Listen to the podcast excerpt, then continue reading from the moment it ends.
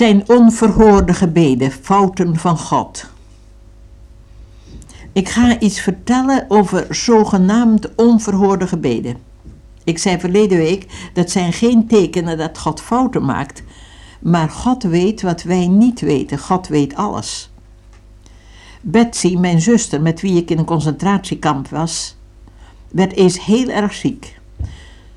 Ik kon haar naar een hospitaal in het kamp brengen en toen ze in bed lag, zei ze: Wil je met me bidden dat de Heer mij geneest? Corrie, de Heer Jezus heeft gezegd: In mijn naam mag je de handen opleggen op een zieke en ze zullen genezen. Wil je dat doen? Ik deed het. En beide van ons vertrouwden dat Betsy genezen zou worden. De volgende morgen keek ik door het raam van het hospitaal en zag dat ze Betsy's dode lichaam van het bed tilde om het naar het crematorium te brengen.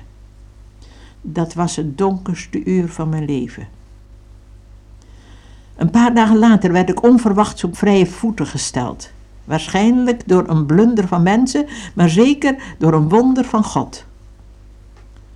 Toen ik op het kantoor kwam om af te melden, merkte ik dat ze niet wisten dat Betsy gestorven was.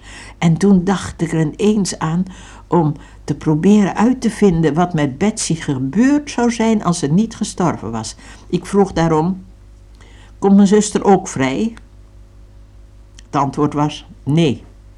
Die blijft hier voor kriegsdauer. Dat betekent zolang de oorlog duurt.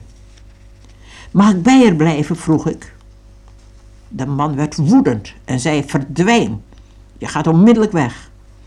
Toen zag ik ineens Gods kant van het gebeuren. Stel je voor dat Betsy beter was geworden en ik haar had moeten achterlaten in dat vreselijke kamp en ik alleen naar Holland had moeten gaan. Ik had God geloofd en gedankt voor dat onverhoorde gebed. Ik wist dat Betsy nu was in het huis des vaders met de vele woningen. Voor haar kon het niet gelukkiger en heerlijker. Daarom durf ik te verwachten dat we eens God zullen loven en danken voor alle zogenaamde verhoorde gebeden, maar misschien nog meer voor de zogenaamde onverhoorde gebeden. Een verstandige moeder en vader geven een kind niet alles waar het om vraagt. Ze weten beter wat goed is voor hun kind dan dat kind zelf. Dat wordt niet altijd begrepen. Wat zegt Paulus daarover? De tekst in Filippenzen 4 is toch heel duidelijk. Wees in geen ding bezorgd, maar laat uw wensen door gebed en smeking met dankzegging bekend worden bij God. Filippenzen 4 vers 19 staat, Mijn God zal in al uw behoeften naar zijn rijkdom heerlijk voorzien in Christus Jezus. Heeft Paulus dat zelf ervaren? Ja, maar in vers 12 schrijft hij: Ik weet wat armoede is. Ik ben ingewijd zowel in verzadigd worden als in honger lijden. Hij zal heus wel om voedsel gesmeekt hebben toen hij hongerig was. Maar hij zegt het antwoord zelf in vers 13: Ik vermag alle dingen door hem die mij kracht geeft. Als je je wensen door gebed en smeking met dankzegging bij God bekend hebt gemaakt, dan zal, in vers 7, de vrede Gods die alle verstand te boven gaat, uw hart en uw gedachten behoeden in Christus Jezus.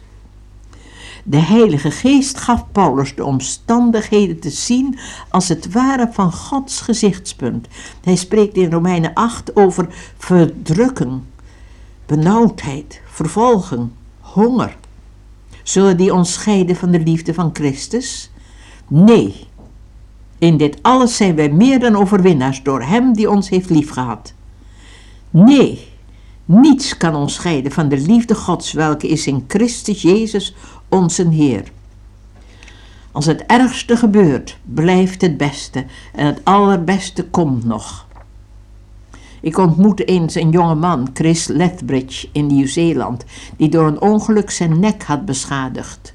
Zo ernstig dat hij bijna helemaal verlamd was. Zijn hoofd, zijn hersens waren niet beschadigd. Hij kon lezen en ook machine schrijven. Hij hielp me een boek dat ik geschreven had te corrigeren. We werden echte vrienden en ik merkte hoe hij niet kon aanvaarden dat de Heer hem niet genas. Ik sprak en bad veel met hem, dat hij zijn lijden zou overgeven in Gods handen. Ik sliep in de kamer naast hem, omdat hij s'nachts dikwijls hulp nodig had. Op een nacht hoorde ik dat hij niet sliep en begreep dat er een strijd in zijn hart gestreden werd. Toen hoorde ik hem roepen, Oh God, make me willing to be made willing to surrender all. O God, maak mij gewillig, gewillig gemaakt te worden om alles aan u over te geven.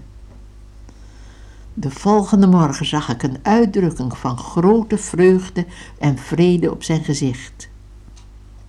Chris is nu hulpprediker geworden en ik weet dat hij velen tot zegen is.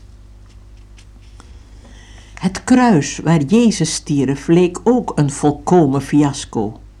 Maar daar volbracht hij alles wat nodig was om u en mij te redden en te verlossen. Daar droeg hij onze zonden en onze smarten.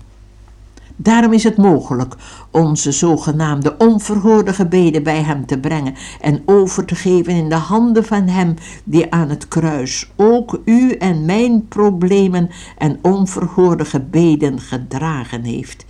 Ja, halleluja, Jezus heeft onze smarten gedragen en Hij heeft volbracht. Zullen we bidden? Dank u, Heer Jezus dat u ons met die oceaan van Gods liefde in verbinding hebt gebracht en dat niets ons daarvan scheiden kan. Dank u dat uw Heilige Geest ons uw kant van onze omstandigheden laat zien, zodat we niet vrezen.